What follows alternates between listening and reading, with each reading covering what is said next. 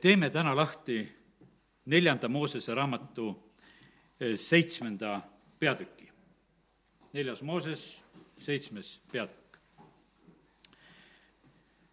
ma olen praegu nagu lugemas piiblit niimoodi hakkasin Moosese raamatuid järjest lugema ja jõudsin sinna neljanda Moosese juurde ja ja tead, kui sa jumala sõna loed, saad sealt ilmutusi. ja, ja sellepärast ma täna tahan jagada seda, seda sõna, eh, mida olen saanud issanda käest. ja, ja sellepärast ole, ole valvel ja katsu seda leida, mida sina pead täna kuulma. ma täna räägin palju asju ja ma räägin väga mitmeid asju ja ma usungi sedasi, et kõik ei ole kõigile, kõik on võib-olla niimoodi erinevates olukordades, aga ma usun, et igalühel on midagi, mida jumal just sinule tahab anda täna selle reemana, et sa võiksid kuulda tema käest. Selle seitsmenda peatüki teine salm ütleb seda, et, et Iisraeli vürstid ohverdasid nende perekondade pead. Need olid suguharude vürstid, need, kes seisid äraloetute eesotsas. Need olid kaksteist Iisraeli vürsti, kes ohverdasid. Nende pered olid kõik ära loetud. no kas sina oled ära loetute hulgas? kas su nimi on taevas kirjas? Kus kohas sa ära loetud oled? kas sa oled lihtsalt kuskil linnas või vallas kirjas või, või no nagu sellises mõttes või oled ka isegi heal juhul kuskile kogudusse ennast kirja saanud? see on üks asi, aga kallid, täna me näeme sedasi, et, et siin räägitakse sedasi, sest Jumal andis käsu ära lugeda Iisraeli suguharud. ma täna ei hakka nende lugemiste juurde minema, siin neljanda Moosese raamatu alguses räägitakse sellest, seal loetakse ära, kes on kõik sõjakõlbulised osad arvati nende hulka, et, et nad on sõjakõlbulised, et nendega saab võitlema minna. aga teate, kuidas leviite loeti? seal pandi kirja ühekuused ühe kuust alates lähevad leviidi poisid lähevad kirja, need on need ära loetud. ja sellepärast, kallid, need väikesed lapsed, kes meie hulgas on, need on issanda poolt ära loetud.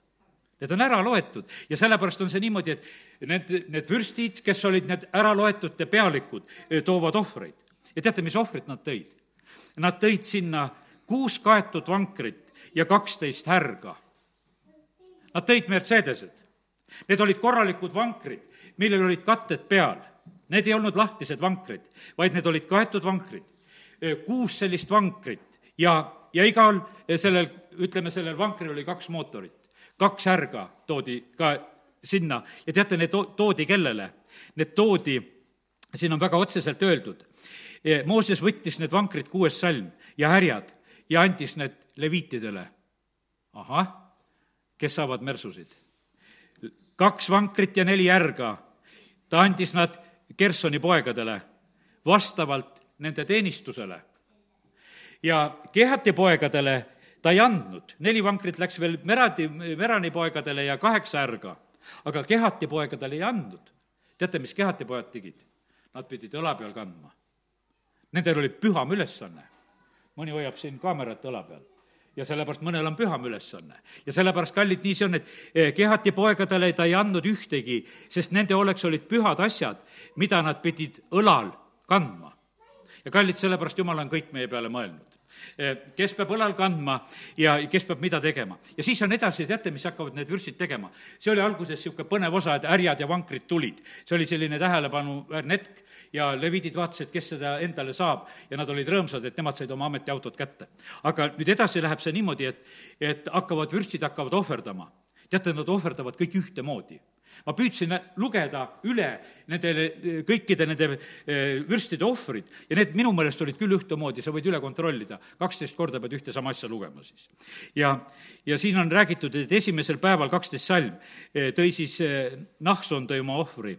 ta tõi siis ohvrianniks ühe hõbevaagna, saja kolmekümne seekline vaata, jumala juures on niimoodi, et see väärtus on ka nagu arvatud sinna, et mis väärtusega see hõbevaagen oli. Üks hõbekauss seitsekümmend seeklit. mõlemad täis õliga segatud peent jahu roaahvriks. üks nõu, kümne kuldseekline täis suitsutusrohtu, üks noor härjavärss, üks jäär, üks aastane oinastall põletusohvriks, üks noor sikk patuohvriks ja tänuohvriks kaks härga, viis jäära sikku, viis aastast oinastalle. Need olid siis kõik tänuohvriks, need härjad, jäärad ja sikud ja õnnastalled. see oli Nahsoni siis ohver, mida tema tõi. ja nüüd läheb päevast päeva kaksteist päeva tuuakse neid ohvreid sellisel moel. samasugused ohvrid järjest tuuakse ja tuuakse. ja teate, kallid, see läheb nüüd tänase ohvrijutuga kokku, mida ma täna juba teile siin alguses rääkisin. et kui jumal ütles Abramile, et kuule, et kui ta oli küsimuse küsinud, too ohver, et siis ma sinuga räägin varsti. Ja nüüd on nii, kaheksakümne üheksas salm sellest samast peatükist ütleb, kui Mooses läks kogususe telki issandaga rääkima, siis ta kuulis häält, mis kõnetas teda tunnistuslaeka peal olevalt kaanelt, kahe keerupi vahelt. ja issand rääkis temaga. ja sellepärast, kallid, tänane meie eesmärk on see, et issand äh, räägiks sinuga issand on minuga rääkinud, see on, võimsad hetked on olnud, kui oled issand ees, kui sa kuuled, et tema räägib. ja, ja sellepärast see on, see on nii võimas tegelikult, kui sa saad selle issanda käest. ja sellepärast on niimoodi, et ma täna lihtsalt julgustan selle koha pealt. täna on sõna issanda käest see ei ole ülerinna öeldud sõna see sõna on issanda käest. ja sellepärast on see niimoodi, et kui sinus on mingisugune kahtlus, aja see ära, võta vastu seda, mida issand tahab lihtsalt rääkida. ja, ja sellepärast kiitus Jumalale, pane tähele, toodi ohvrid, kaksteist vürsti tõid ohvrid. ja siis issand rääkis. seaduse laegas oli määratud selleks paigaks, kus Jumal räägib. seaduse laegas oli imeline paik, seal sees oli Jumala sõna, käsud olid pandud sinna aga see ei olnud ainult see, et seal sees, sees oli sõna, vaid see oli see paik, kus Jumal rääkis. meil võib olla piibliraamat, aga kas see räägib? vaata, see on iseasi. ja sellepärast on see niimoodi, et Mooses läheb telki ja Jumal rääkis ohvrid olid toodud ja siis Jumal rääkis ja sellepärast, kallid, vahest on ohvrid toomata ja Jumal ei räägi. me mõtleme sedasi, et miks ta ei räägi. no me pole lähenenud talle, nagu on vaja me ei ole austust talle andnud. Need, need toodi ju tegelikult austuseks, toodi need ohvrid. ja, ja, ja need toodi tänuks ja, ja need toodi kahetsuseks ja kõik, mis selles ohvrites oli, eks. ja, ta läheb telki ja ta kuulis häält, mis tõ-, kõnetas teda tunnistuslaeka peal olevalt kaanelt, kahe keerubi vahelt. ja issand rääkis temaga ja sellepärast, kallid, jumal tahab rääkida, jumal räägib meiega eh, täna ka. vaata, kui telk sai valmis, siis oli selline e-, eriline hetk Eh, vaata, siis on nii, et vaata, siis tuli jumala au, siis tuli see pilv ja tulesammas tuli selle peale. ja sellepärast, kallid, teate, mis lugu on?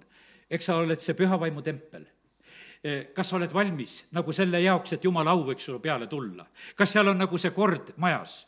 Kas see on nõnda? No siin levitatakse praegu kirja ümberringi, et kristlased hakkaksid maailma koristama ja, ja palvetaksid selle pärast. kallid kristlased peavad kõigepealt oma südamed puhtaks tegema, mina seda üleskutset ei tee. ärge arvake, et ma teid koristama panen, seda maailma isegi olete targad, siis ma teda õpe-, selles asjas õpetama ei hakka, niisugust äh, tühja juttu koguduses ma rääkima ei hakka.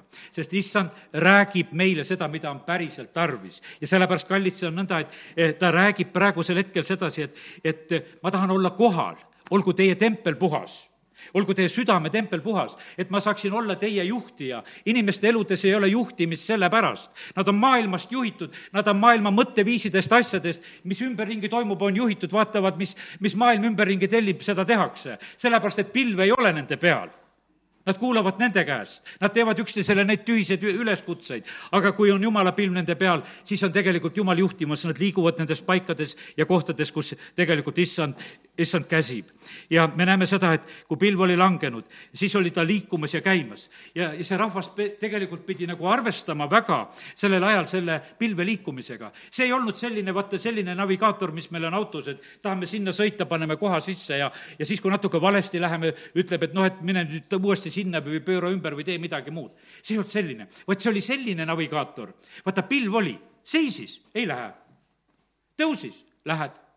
See on hoopis teistsugune juhtimine ja sellepärast, kallid, jumal tahab meid päriselt niimoodi juhtida, mitte et meie määrasime eesmärgi ja jumal siis, sa aita meid sellele eesmärgile jõuda ei, see ei olnud selline navigaator. meil ei ole selliseid navigaatorid, et me oma eesmärke täidame Jumala abiga. ei, seda ei tee. meil on niimoodi, et meil on pilv, meil on püha vaim, ta juhib meid ja, ja meie peame vastavalt sellele tõusmisele ja langemisele olema need, kes me alistume sellele juhtimisele ja sellepärast kiitus Jumalale.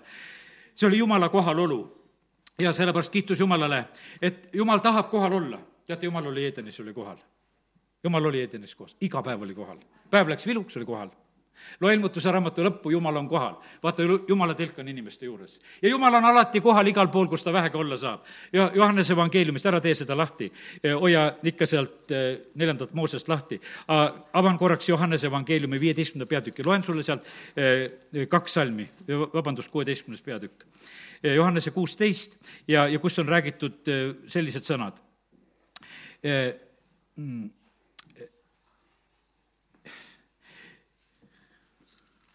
Ikkagi viieteistkümnes peatükk vist või kuskohast ma tahtsin, neliteist hoopis.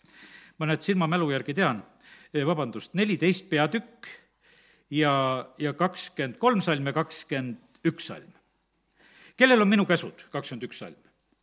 kes neid peab, see ongi, kes armastab mind.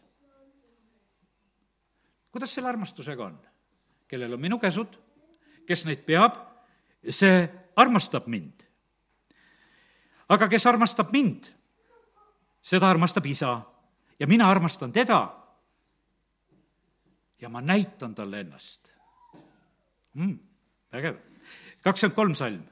Jeesus vastas, kui keegi armastab mind, küll ta peab minu sõna ja minu isa armastab teda ja me tuleme ja teeme eluaseme tema juurde.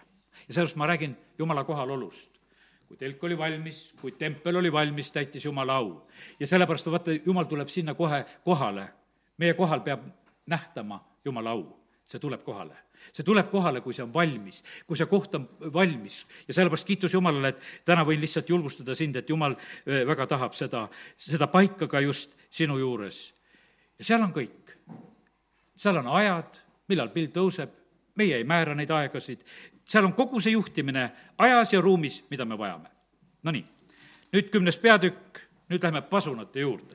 kümnes peatükk, jätan natuke siin vahele asju. ja järgmine selline ilmutus, mida ma sain, oli hõbepasunatest. sellepärast, kes lähevad muusikakooli, kes puhkpilli õpivad, olge väga õnnistatud. Need on taevased pillid. kes me olime Aluksnes? no kas ei olnud ilus, kui trompet hüüdis?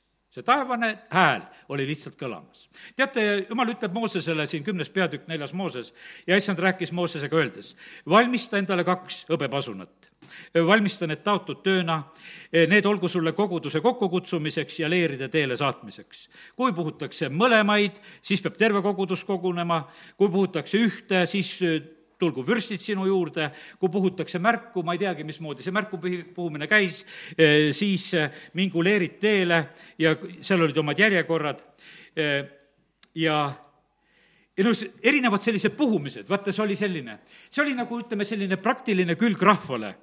noh, ütleme kella asemel mäletan lapsepõlvest, et Kohila paberivabrikul oli vile peal või see selline sireen kõva käis, pani seal igal vahetuse vahel, kus oli aeg või need hetked, siis ta muudkui tegi, inimesed teadsid Kohilas, mis on kell, sest see, see oli nagu üks selline märgu puhumine, eh, mis seal käis. ja see oli üks osa. aga pane nüüd tähele, vaata, mis edasi on nende hõbepasunatega tehakse. üheksas salm. kui te lähete oma maal sõtta vaenlase vastu, kes tungib teie kallale, siis puhuge pasunatega märku kui te lähete sõtta, siis puhuge pasunatega märku. igalühel on teil see pasun, huu. ja kui sa oled sõtta minemas, siis puhu sellega. tead, mis siis juhtub, kui sina sellest puhud? et te meenutaksite issandale, et te meenuksite issandale, teie jumalale ja et teid päästetaks teie vaenlase käest. ja sellepärast vähemalt selle pasuna sa saad kähku teha ja sa puhud märku, issand, ma lähen sõtta ja ma tahan pääseda praegusel hetkel. ja, ja sellepärast vaata, kui, kui jumal annab sulle neid ilmutusi, need on nii tähtsad asjad ja sellepärast. ja kallid, teate, neid pasunaid võib puhuda ka rõõmupäevadel oma rõõmupäevil, seatud pühil, kümnes salm ütleb sedasi, uue kuu alguses puhuge pasunaid oma põletus- ja tänuohvrite juures. mis see, mis see jälle teeb? see meenutagu teid Jumala ees Teie Jumala ees meenutagu, mina olen issand teie Jumal ja sellepärast, kallid, see, mida me teeme, me, ohvrid tuletavad meid meelde meie hääl tuletab meid meelde, meie pasunad tuletavad meelde. me oleme palunud siin igasuguseid pillisid, aga tegelikult see pasun hääl või see tuleb nendest arvutitest või süntekatest välja, võtta see hääl. sest et see märgu puhumise hääl on vahest nii tähtis ja oluline, et, et see oleks olemas, et me annaksime Jumala ees endist märku. Inimesed on tähtsad. kaksteist peatükk. ja nüüd on nii, et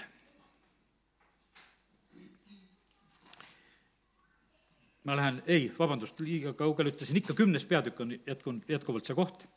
kaksteist peatükk on paha lugu, seda ei hakka rääkima täna. Eh, see kümnes peatükk ja kakskümmend üheksa salm. ja Mooses ütles Obabile, Moosese äia, midjanlase Reueli pojale. no kes see äia poeg oli? naise vend, eks, lihtsamalt ütelda aga no nii toredasti sõna ütleb, et Mooses ütles Hobabile, oma naise vennale, e, me oleme teel sinna paika, mille kohta issand on öelnud, ma annan selle teile. tule meiega ja me teeme sulle head, sest issand on tõotanud Iisraelile head. aga ta vastas, ma ei tule, sest ma lähen oma, oma maale ja oma sugulaste juurde. siis ütles Mooses, ära jäta meid maha, sest sina ju tead, kuhu me saame kõrbes leeri üles lüüa, jää meile silmaks. jää meile selleks inimlikuks juhiks, selliseks kohalikuks juhiks, kes oskab meid kõrbes juhtida. kallis, kuskil oled sina kõige rohkem kohalik juht. sinu kodus, sinu töökohas, sinu tänaval, no sa oled kõige kohalikum ja vaata, seal on niimoodi, et me oleme kiitnud Mooses, et ta oskas väga hästi kõrbes, et karjatas ja oli väga hea. ei, ta ütles, et kuule, et see mul naise vend on veel ägedam. ma palun teda, et las ta olla kaasas, kui sinna alla on kirjutatud märkus, et nähtavasti Obab läks kaasa. väga otseselt piiblis seda öeldud ei ole. ja sellepärast, kallid, pane tähele, jumalal on vaja inimesi, neid kohalikke juhte ja Mooses kauples, et tule meiega ja kui sa tuled meiega koos, siis, eh, siis me teeme sulle seda head, mida Jumal meile lubab saata, teeme seda sulle eh, ka. nii et jäta see samamoodi meelde, et vahest Jumal tahab sind kui tarvitada kui kohalikku juhti. ära põlga seda ülesannet. sest sa oled kuskil kõige suurem spetsialist. mul on hea meel, et on olnud kohalikud juhid mõnes maapaigas, kus mina käin. mul neid inimesi seal ei oleks kui on olnud need kohalikud, siis nad on korraldanud selle. halleluuja. Te olete väga vajalikud ja õnnistatud inimesed.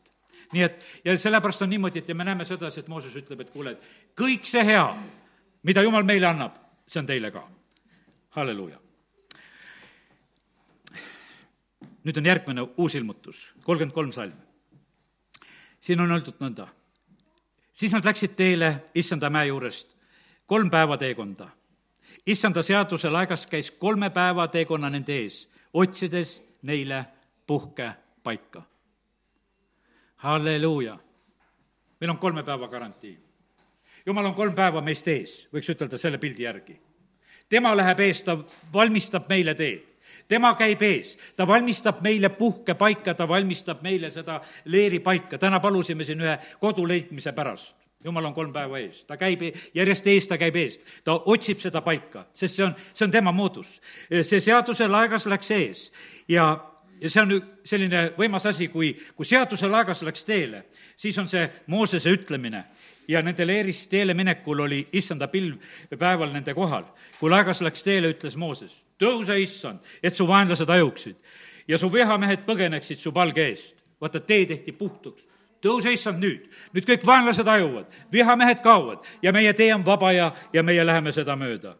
ja kui laegas pandi maha, ütles tema, tule taas, issand, Iisraeli tuhatkondade kümne tuhandete juurde. ja sellepärast on see niimoodi, et kui me tuleme siia, ütleb, issand, tule, ole meiega siin, ole meie kodudes, ole meie kohtades. kallid, see on ilmutus meile. meil on selline issand, meil on hea karjane, kes viib meid tegelikult hingamisveele, kes viib meid haljale ja haasale, tema juhib. ja kallid, vaata, see oli seaduse laegas, mis läks ees ja juhtis. see oli jumala sõna see oli see, kus Jumal rääkis, kui sul nüüd meelest pole veel läinud, et vaata, seal laeka peal, kui ohvrid olid toodud, Jumal rääkis. ja nüüd on niimoodi, et seaduse laegas läheb ees. see Jumala sõna on meie jalale lambiks, ütleb Taavet, eks. ja nüüd on niimoodi, see läheb ees ja ta ei ole ainult selline surnud sõna, vaid ta on see elav reema, mis räägib ja ta, ja räägib, sellepärast on see niimoodi, et kiitus Jumalale, et seal aegas oli rääkiv, seal kahe keerubi vahel rääkis. Ja sellepärast kiitus Jumalale, et me teenime sellist Jumalat ja, ja see on meie jaoks nagu otsimas seda paika, kuhu me võiksime minna. issanda laegas on ees, see sõna läheb ees. issanda käest tulnud sõna on meile tegelikult niivõrd, niivõrd oluline. teate, seal oli üks hetk, ma lähen korraks natukese tagasi, kui nad on seal Paasa püha pidamas. Eh, ma ei leiagi vist seda koha, ah ikka on, eelmine lehekülg kohe. Üheksas peatükk on see Paasa püha lugu, jah, eh, neljas Mooses üheksa. ja seal on niimoodi, et kõik ei olnud puhtad. Nad leidsid sedasi, et nad ei ole vastavalt Moosese seadusele puhtad, et Paasa sööma ja lauast osa võtta. ja tead, mis siis on? no aga nad tahtsid väga osa võtta seal ja, ja Mooses vastas neile, üheksas peatükk, kaheksas salm. seiske siin, kuni ma kuulen, mida issand teie kohta käsib. vaata, see oli niimoodi, et tuli küsimus ja kohe räägiti jumal, kuidas on selle asjaga, mida me teeme? ja issand rääkis Moosesega öeldes, räägi Iisraeli lastega ja ütle, kui keegi teist või teie sulaste tulevastest põlvedest on roojane laiba pärast või viibib pikal teekonnal, võib ta ometi pidada paasapüha issanda auks surnu pärast või, või lihtsalt teekonnal olles ei olnud kõike saanud teha ja me näeme sedasi, et issand ütleb, et seda saab. kallid, vaata, see on see õnnistus, see rääkiv Jumal. meie olukorrad ei ole kogu aeg sellised, et noh, ühesugused, homme on hoopis uus olukord aga sul on rääkiv jumal, sa küsid. ja ma ütlen sedasi, et kallid, mina ei saa enam praegusel hetkel teistmoodi eh, nagu õigeid vastuseid päris, mul on vaja seda paberit ja pliiatsit. ma leian sedasi, et siis mul on nagu, et ma rahunen nagu üks asi maha, eh, võtan selle asendi, et ma hakkan kuulama ja siis ma küsin ja siis ma kirjutan. ja sellepärast, kallid, ma julgustan sind ka.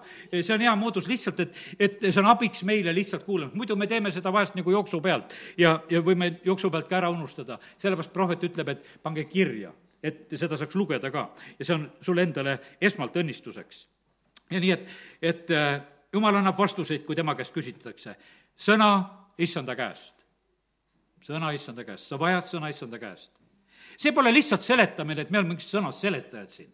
me muudkui seletame seda. see ei ole see, see ei ole sõna issanda käest, mis me siis seletame sõna issanda käest on sõna issanda käest. ja tema ütleb väga selgelt, miks võib või miks ei või ja, ja meil tuleb teha selle järgi, mida meie temalt kuuleme.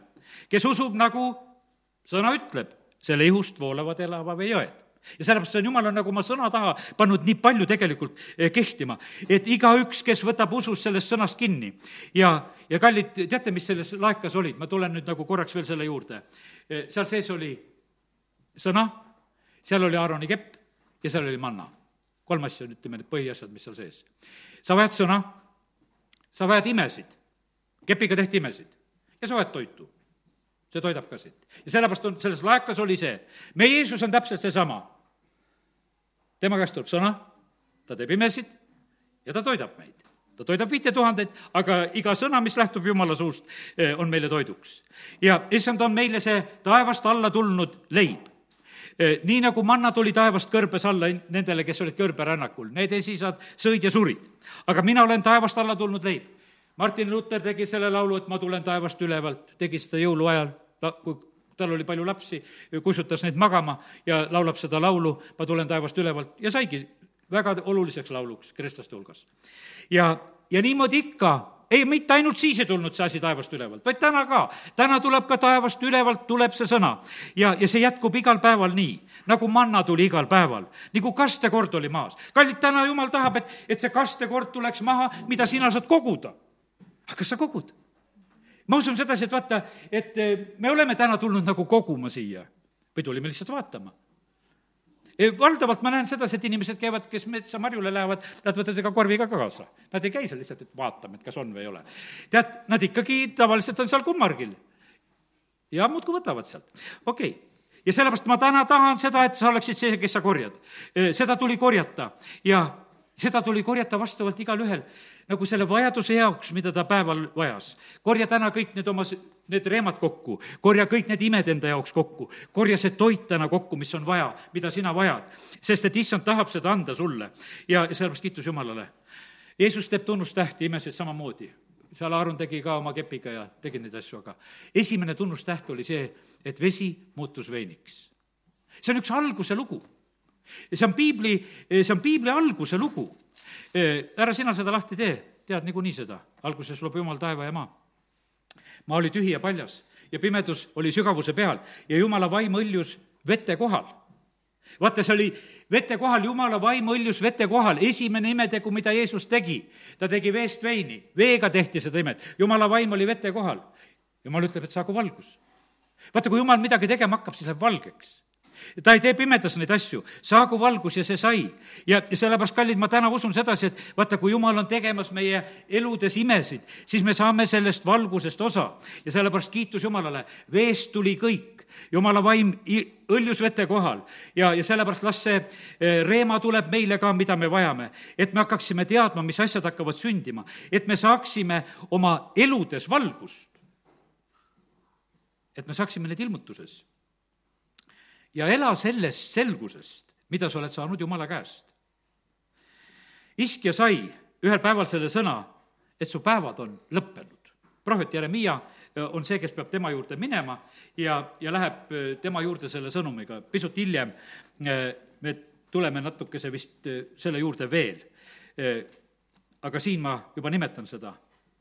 Jerobeam, see oli Iisraeli kuningas kui riik kaheks jagunes, Rehapeam oli eh, Juuda kuningas ja Jerobeam oli Iisraeli kuningas. teate, mis ta tegi? ta tahtis selgust saada. Nendel jäi laps haigeks. kas laps sureb ära või ei sure ära? tahtis selgeks saada, see on esimese kuningate neliteist, ära tee sina ka seda lahti, ma täna teen neid eh, teisi kohti, mul on natukene endal siin abivahendid. et eh, saan need kiiremini kätte ja ma loen lihtsalt natukese sellest käitumisest kuidas Ahija ennustab seal Jerobeami soole. ja teate, niimoodi, Jerobeam on kuningas, ütleb sedasi, et tead, et võta kätte ja moonda ennast. ja eh, nii, et nõnda, et sind ei tunta, et sa oled Jerobeami naine ja mine Siilosse. vaata, seal on prohvet Ahija, kes rääkis minust ja et ma saan oma selle rahva kuningaks.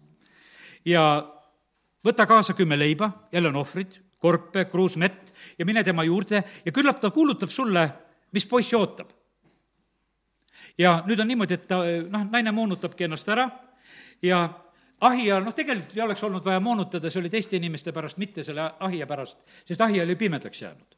ta nägi väga halvasti ja vanaduse tõttu olid silmad tuhmunud, aga noh, ütleme veel moonutatud naine tuleb ka tema ette. ja, ja nüüd on see niimoodi, et tead, milles on küsimus? sõna tahetakse ilmutust tahetakse. täna on jutt sellest, et issanda käest tuleb sõna. ja me näeme, et Jerobeamil oli tegelikult, vaata, Jerobeam oli üldse üks niisugune paha kuningas, nagu selle koha pealt temast räägitakse kui sellest patust, mida tema tegi kogu järeltuleva soo peale. mis oli tema patuks? ta tegi need ohvrikünkad, ta tegi need vasikad ja teate, mis veel üks väga suur patt oli? ta pani igaühe preestriks, kes tahtis. ei olnud Leevi soes, soost ei olnud see, mida jumal soovis, vaid vahet ei olnud ta igatühte tahad preester olla, ole aga preester. ta pani, noh, tegi selliseid vigu nende asja koha pealt, tal omal vahepeal see oli ju lausa eh, käsikuivetus ja igasugu asjad, mis temaga juhtusid. aga, aga ta tegi selliseid asju. aga nüüd on niimoodi, et ta naine tuleb küsima, tuleb selgust otsima ja tahab jumala mehe käest seda saada. ja tegelikult jumal ilmutas eh,, Ahijale ütles, et vaata, Jerobeami naine tuleb sinu juurde Eh, ja küsima oma poja kohta, sest on haige. ja ütle temale nõnda, eh, kui ta tuleb, et eh, sest ta on ennast tundmatuks teinud. ja tal on tegelikult kõva sõna selle asja kohta ja tegelikult ongi see niimoodi, et, et see sõna on see, et see laps seal sureb ja kõik need asjad, mis ta saab ja pluss kogu selline, selle soo kohta kuulutamine, kui raskelt ja halvasti tegelikult Jerobeami sool läheb ja sellepärast, kallid, vaata, sõna tuleb otsida. kuningas Saul oli samasugune sõnaotsija. ta moondab ennast, ta oli tegelikult kõik eh, nõiad ja asjad maa pealt ära hävitanud ja ja siis ühel päeval on niimoodi, kui tal jumala vaimu ja juhtimist enam ei ole. vaata, kui jumala vaimu ei ole, juhtimist ei ole. kui sõna jumala käest ei ole, juhtimist ei ole siis lähevad nõiad ja igasugused selgeltnägijad ja siis lähevad ennustamised ja, ja siis lähevad salmid piiblist näpu alt ja siis hakkavad igasugused jamad pihta. siis hakkavad niisugused juhtimised et noh, et võtame siit ja võtame sealt, see on juba, sa räägid isaga. ja ta räägib sulle. ja, ja sellepärast on see nõnda, et, et igasuguse posimine pange kõrvale. jah, sõna on väga hea lugeda, aga ära tarvita seda sellisel teisel moel. ja Saul moondas ennast et minna hoopis nõia juurde ja tegi ennast tundmatuks. ja sellepärast ma sain issanda käest sõna, kallis kristlane, ma ei tea, kellele, kas see on siin ruumis või on see keegi, kes kaugemal on või keegi kuskil hiljem kuulab seda, aga see sõna on selline. kallis kristlane, ära käi salaja nõia juures. ära käi salaja nõia juures. salajasi asju ei ole. ära otsi raamatutest, ära otsi horoskoopidest, ei saadetest, noh, ütleme, mis, mis moel iganes. Ja kõiksugu sellised asjad, eh, mida sa nagu ette võtad, kõik need liinid, kuhu helistada saab ja küsida praegusel hetkel on ja, ja igasugused külastused ja värgid, mida sa võiksid teha, ära tee nendega. ma sain täna issandalt selle sõna. et seda tuleb kristlastele ütelda. Nendele, kellel jumala juhtimine puudub, nendel on kiusatus otsida mujalt abi. sest no keegi peab ju rääkima midagi. ja küll nad räägivad, aga see ei ole meie koht, kus on Samaaria piiramise ajal Elisa teadis, kelle jalgade kobin on tema ukse taga, sest kuningas saatis oma saadiku, aga jumal avas selle Elisale. minu juures on selgus ja leppige minu plaaniga. minu juures on selgus, jumala juures on selgus, leppige jumala plaanidega. teate, kallid, jumal on rääkinud ja rääkinud, sulle alati see jutt ei meeldi, mida jumal rääkis. sa küsid uut juttu no uus jutt võib teate, mis puhul tulla? no siis, kus elus toimub väga suur muutus, nagu Eski elus oli, siis tuli uus jutt. aga muidu niimoodi, jumal rääkis see ja see jutt oligi see, mida ta rääkis. see oli see jutt, mis ma tahtsin ütelda ja sellepärast leppige minu plaaniga, ütleb issand. Iske elus oli see kõige küpsem aeg igavikku minekuks. see oli tema südame pehmem hetk. hiljem ta ei teinud enam kõige targemini ta sai tegelikult viisteist aastat juurde, sest ta nuttis väga kibedasti. aga see lõpp enam nii ei olnud. see kibe nutt oli kõige pehmem ja parem hetk, mis oli iske elus. ja sellepärast, kallid, teeme lahti täna seda iske lugu, ma sain ka selle koha pealt selged juhised. see on sõna issanda käest täna, teise kuningate raamat, nüüd seda võid täitsa lahti teha, ütlen, et teise kuningate kakskümmend ja me loeme sealt mõned asjad. Äh, lihtsalt paneme tähele, kuidas, kuidas Jumal tegelikult tegutseb, Hiske on haige, kahekümnes peatükk, ja, ja nüüd on niimoodi, et ta räkitab oma sulase, prohvet Jesaja, kahekümnes peatükk räägib selle, nõnda ütleb issand, et sea oma elu, oma asjad korda, sest sa sured. Ega saa terveks. siis pööras Iski oma näo seina poole ja palus issandat öeldes oh issand, meenuta ometi, kuidas ma sinu ees olen elanud ustavuses ja siira südamega. Ja olen teinud eh, sinu silmis, mis on hea. Hiskia nuttis kibedasti. ja vaata, mis selle eh, meeleparandusega, selle kibeda nutuga saavutati. ja aga Jesaja ei olnud veel väljunud keskmisest õuest, kui temale tuli issanda sõna, kes ütles, mine tagasi ja ütle Iskiale, eh, mu rahva vürstile, nõnda ütleb issand, su isa Taaveti jumal, ma olen kuulnud su palvet ma olen näinud su silmavett. vaata, ma teen sind terveks ja kolmandal päeval võid sa minna issanda kotta. ma lisan su elupäevadele viisteist aastat ja ma päästan sinu ja selle linna Assuri kuninga pihust ja kaitsen seda linna iseenese pärast ja oma sulase Taaveti pärast. me näeme sedasi, et need paljud vastused, mida Iskega sai, need ei, ei olnud sedasi, et Iskes olid tubli, ta ütles ei, et Taaveti pärast ja iseenese pärast et mul on tõotused. jumalal on omad plaanid ja ta tarvitab meid inimesi ka. Iskjal on seal niimoodi, et ta tahab tunnustähte saada ja prohvet pakub talle välja, kas vari peab minema tagasi kümme pügalat või, või kümme pügalat edasi päikese kellal. ja Iskja soovib seda, et see vari läheks tagasi ja see tunnustäht sünnib. ahase päikese kellal läks vari kümme pügalat tagasi. ja noh, edasi tema viimased asjad, kui seal Paabeli saadikud käivad tema juures ja, ja seda ta ei oleks pidanud tegema, aga nende asjade juurde me praegusel hetkel ei lähe. kallid, ja me näeme seda, et kuidas iske elus need asjad käivad. nüüd on nii, et teise ajaraamatu kolmekümne teine peatükk räägib väga lühidalt tegelikult sedasama lugu. aga täna natukese pühendan iskjale ja sellepärast ka teen teise ajaraamatu kolmkümmend kaks ja salmid kakskümmend neli kuni kakskümmend kuus lahti. Neil päevil jäi iskja haigeks ja ta oli suremas ja siis ta palvetas issanda poole, kes vastas temale ja andis temale tunnustähe. aga iske ei tasunud heategu, mis temale tehti, vaid ta süda oli ülbe, seepärast oleks viha pidanud tabama teda, Juudat ja Jeruusalemma.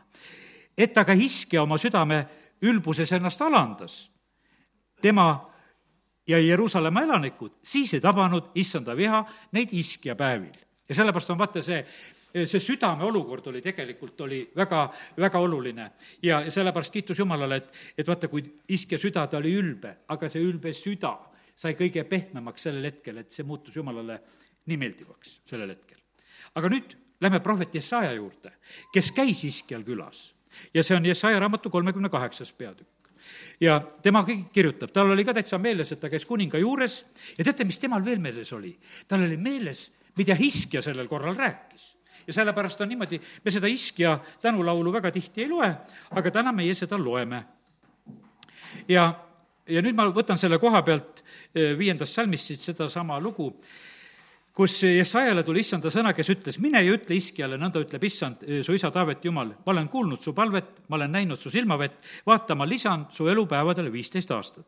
ja ma päästan sinu ja selle linna Assuri kuninga pihust ja kaitsen seda linna ja see olgu sulle märgiks issandalt, et issand, see, issand teeb, nagu ta on öelnud. vaata, ma lasen varjul minna, mis ahase päikese kellal on laskunud koos päikesega kümme pügalat tagasi minna. ja päike läkski päikese kellal tagasi need kümme pügalat, mis ta oli laskunud. juuda kuninga iskja tänulaul pärast haigusest tervenemist.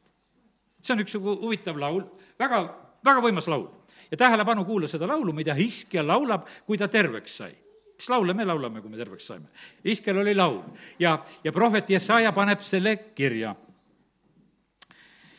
ma ütlesin iseeneses oma elupäevade poolel teel pean ma minema surmavalla väravaisse. minult on röövitud mu ülejäänud aastad. ta lihtsalt koges sedasi, et mul on haigus, see võtab mind, ma olen oma elupäevade poolel teel, mind röövitakse praegusel hetkel, mu ülejäänud aastad võetakse ära.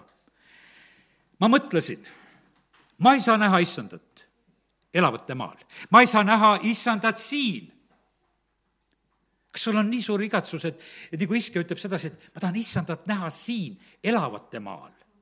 see on niimoodi, et issandat taevas näha, eks. aga ta ütles sedasi, et ma ei saa näha issandat, issandat elavate maal maailma elanike keskel. ma tahan tulla Jumala kotta üheskoos teistega tänada issandat nende tegude pärast, mida ta on teinud, et ma näen neid, mida ta on teinud. ja, ja sellepärast Iskel oli seesama, ma mõtlesin, et ma enam seda ei saa. ma ei saa issandat enam elavate maal näha. ta oli tegelikult issandat elavate maal näinud ta ja, ja siis ta räägib oma elust niimoodi, ütleb, et see on nagu noh, nagu telk, nagu Pauluski ütleb sedasi, mu telklaager kistakse üles. keeratakse minu käest rulli, otse kui karjase telk ma rullin nagu kangur oma elu kokku. mind lõigatakse lõime küljest. no küllap on neid matusejutlusi olnud, kuidas neid lõimed lõigatakse ja kuidas seal rulli keeratakse ja need telgid langevad ja kõik, aga nii. me näeme, et Iskja pidas nagu iseendale seda matusejutlust nendel, nendel hetkedel, kui ta seda laulu ka praegusel hetkel väljendab. mind lõigatakse lõime küljest, enne kui päev jõuab õhtule, teed sa mulle lõppu. ma ootasin hommikuni otse kui murraks lõvi, nõnda murti kõik mu luudliikmed. vaata, ta, ta tundis sedasi, et ta ihus tehti nii, kui oleks lõvi ta kallal olnud.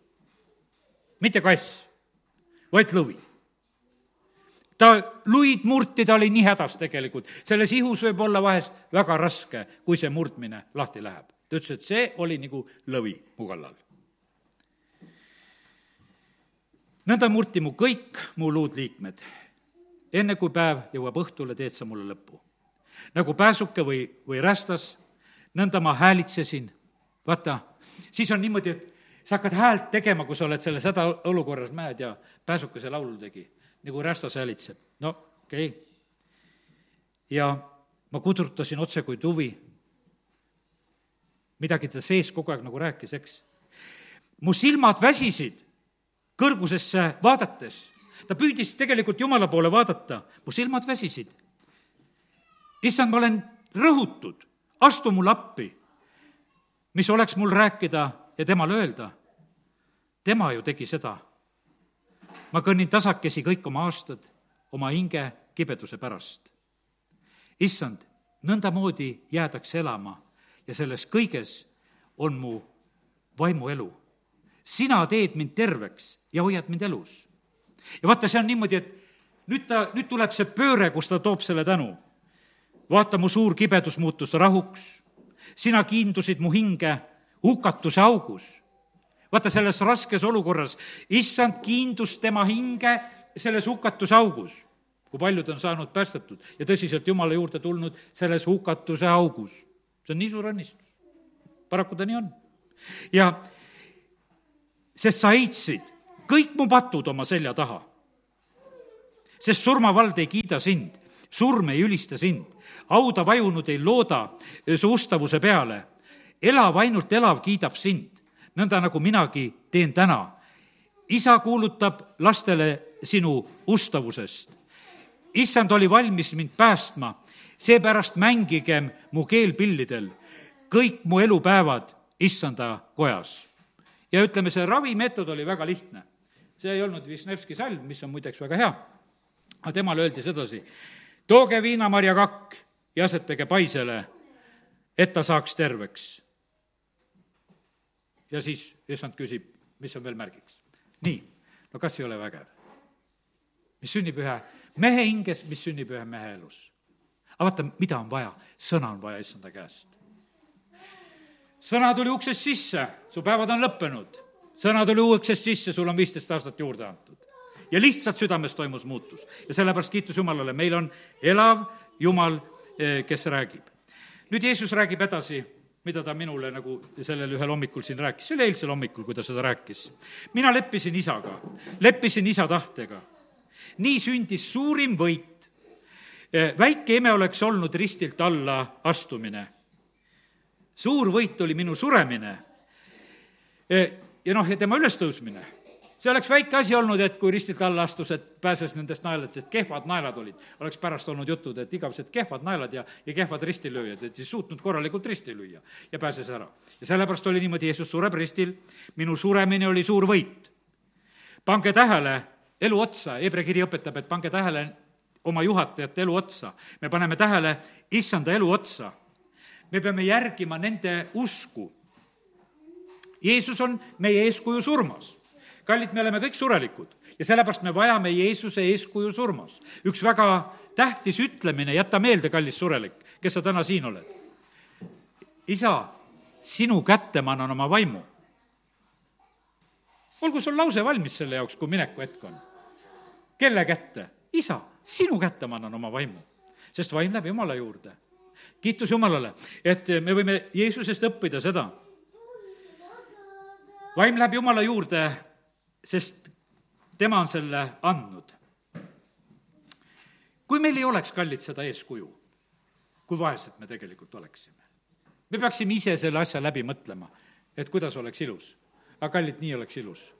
me näeme sedasi, kuidas Jeesus ristil surres hoolitseb, kuidas ta, kõike seda, mis ta seal teeb, eks, võta kõik see eeskujuks. ei lähe sinna, aga selles on eeskuju meile. Tulin teile teed rajama surmast ellu. see elu, mida me siin maa peal elame, see on treening. see ei ole elu. see on tõelise elu treening. ja meie issand ei ole ainult treener, vaid ta on elujuht ja sellepärast on see niimoodi, et me ei tohi issandat panna ainult nagu sellisesse treeneri positsiooni, et, et me ainult oleme siin, vaid kallid, vaata, meie peame olema need, kes me võidule jõuame, kes me jõuame sinna, kus me oleme igavesti. ja sellepärast, kallid, me, meil on selline issand. E,, nagu prohvet Jesaja ütleb oma raamatus veel, ma teen lahti nüüd üheksanda peatüki selle viienda salmi. E,, tulen selle juurde, kus siin on räägitud Jeesuse nimed, sest meile sünnib laps, meile antakse poeg. Eh, kelle õlgadel on valitsus, kellele pannakse nimeks imeline, pannakse nõuandja, pannakse vägev Jumal, igavene isa ja rahuvürst. ja sellepärast, kallid, me vajame kõik tegelikult seda, seda komplekti, mis on nendes nimedes. me vajame seda imelist, me vajame nõuandjat, me vajame vägevat Jumalat, me vajame igavest isa, me vajame rahuvürsti ja suur on valitsus ja otsatu rahu Taaveti aujärjel ja tema kuningriigi üle, et seda kinnitada ja toetada kohtu ja õiglusega sellest ajast ja igavesti. vägede issanda püha viha teeb seda jumala armastus, armukädedus teeb seda ja sellepärast, kallid, sellepärast ta läkitas meile sellise päästja. ta ei läkitanud lihtsalt ühte rabi, kes õpetab kalamehi kolm aastat, et teatud ilusaid ütlemisi, vaid ta tuli teed surmast ellu rajama, et meile näidata seda tõelist teed ja anda meile elu. ja kallid, nii see on. Meil läheb seda komplekti vaja, meil läheb seda laegast vaja. Eh, mina olen see, kes teile otsin seda leeripaika, seda puhkepaika, ma olen hea karjane, minu sõna on sulle jalale lambiks.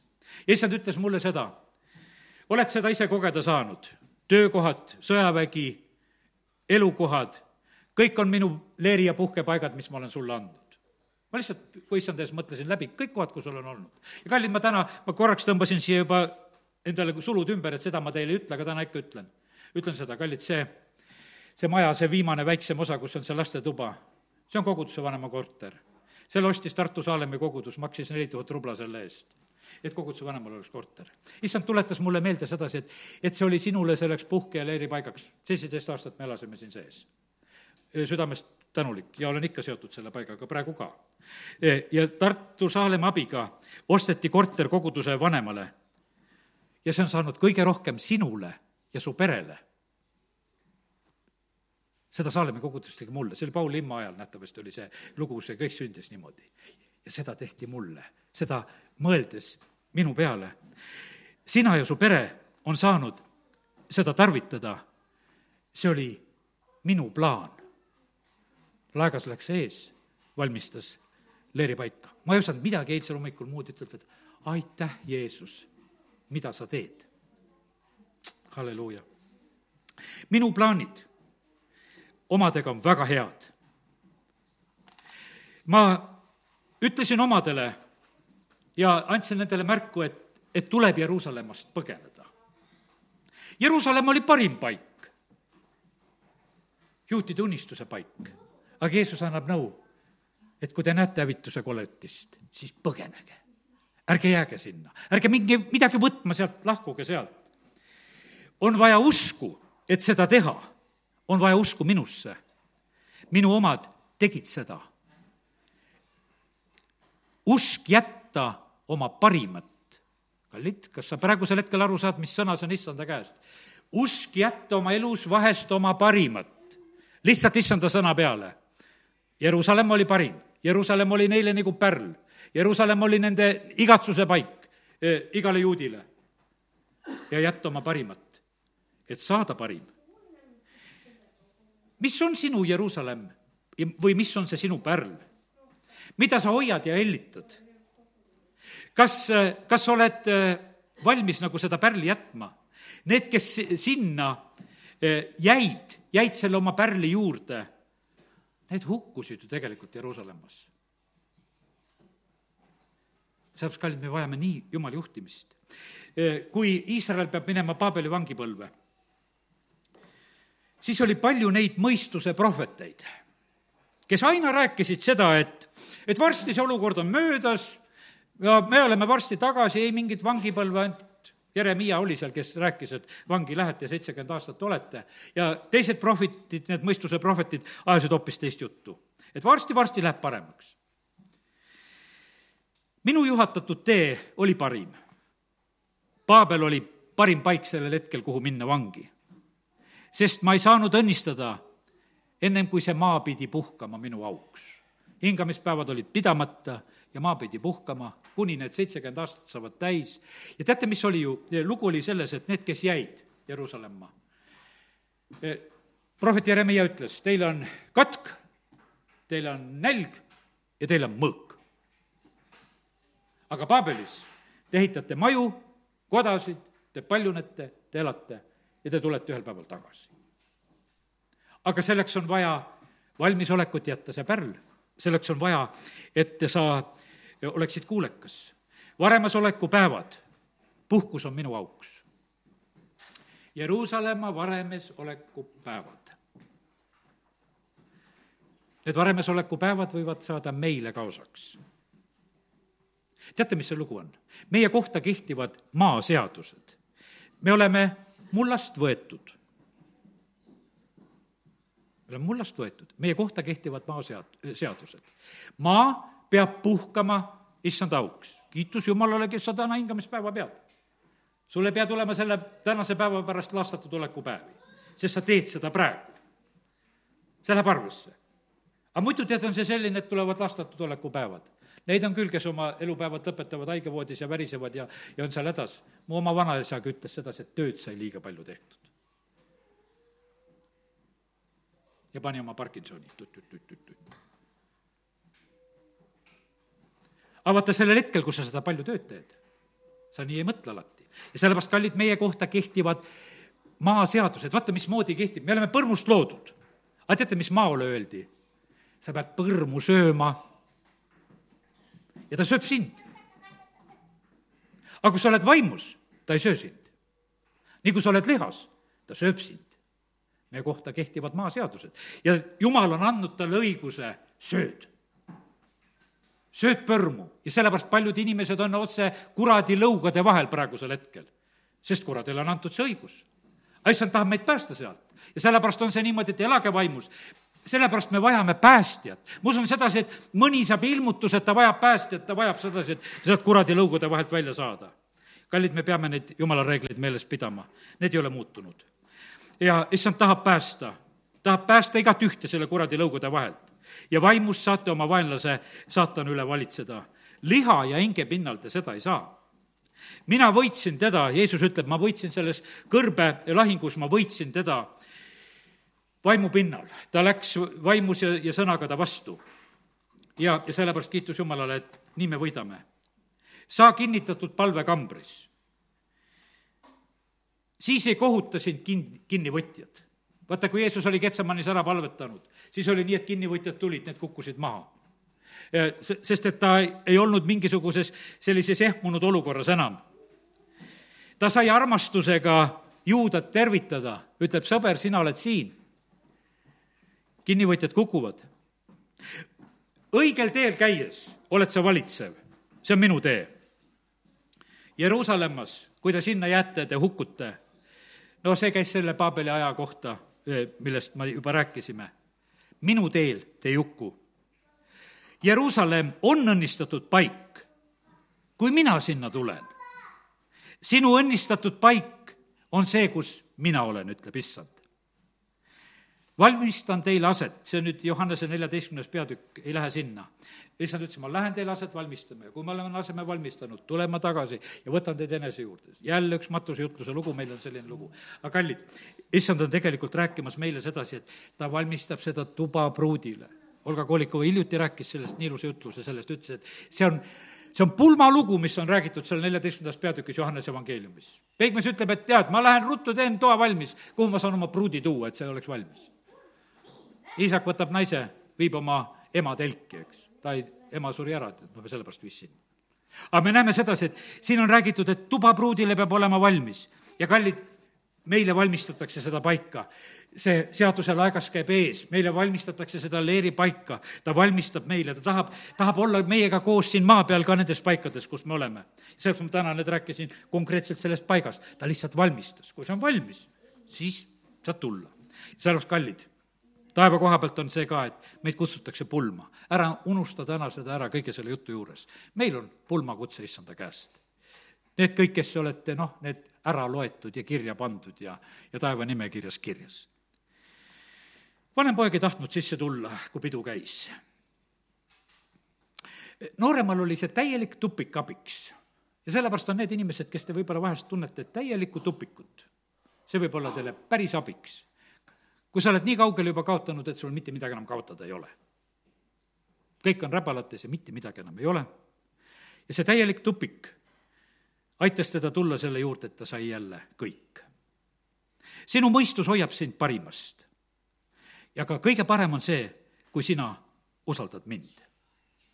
Jeesus, kui ta on kaheteistaastase poisina eh, Jeruusalemma templis, siis ta ütleb, et eks ma pean olema seal, kus on minu isa koda kus koha peal sa oled? kas sa oled selles paigas, mis on see sinu koha, sinu kohaks? see tänane sõna on kui piibel, kus sa saad oma sõna, mille mina sulle elavaks tegin, issand ütleb, et mida ta on ka sinule elavaks teinud. siin on nii palju erinevaid asju täna olnud. issand ütles, et ma tean seda pühapäeva, tean neid kuulajaid, tean neid tulijaid ja sellepärast ma andsin selle sõna. aamen. tõuseme ja oleme palves. halleluuja, isa, ma tänan sind, et sina annad sõna. isa, ma tänan sind selle eilse hommiku eest, kus ma võisin selle kirja panna lihtsalt, issand, sinu ees ja piiblit lugedes ja ja selle kindla teadmisega, et see on täna sõna issandalt meile kõigile. isa, ma palun, et las see saadab korda täna kõike seda, mida on tarvis me kõikide juures. aita lahti lasta sealt, kus peab lahti laskma. aita astuda nendesse uutesse olukordadesse, kuhu me peame askuma, astuma. aita olla sinu juhitud. ja sa, ma tänan sind, et, et sa oled täna tegelikult armastuses meile seda lugu rääkinud. aga isa, ma palun nende pärast ka, kes on oma rasketes olukordades, et nad suudaksid seal kuulda sinu häält ja teha õigeid otsuseid ja valikuid. üle kõige me palume seda, et jumal, täna, kui me su häält kuuleme, et me ei teeks oma südant kõvaks, et me ei oleks need, kes me nuriseme, vaid issand, me need, oleksime need, kes me teeme selle sinu juhtimise järgi, mida sina, Jumal, ütled. sa kiitus ja tänu ja ülistus sulle. amin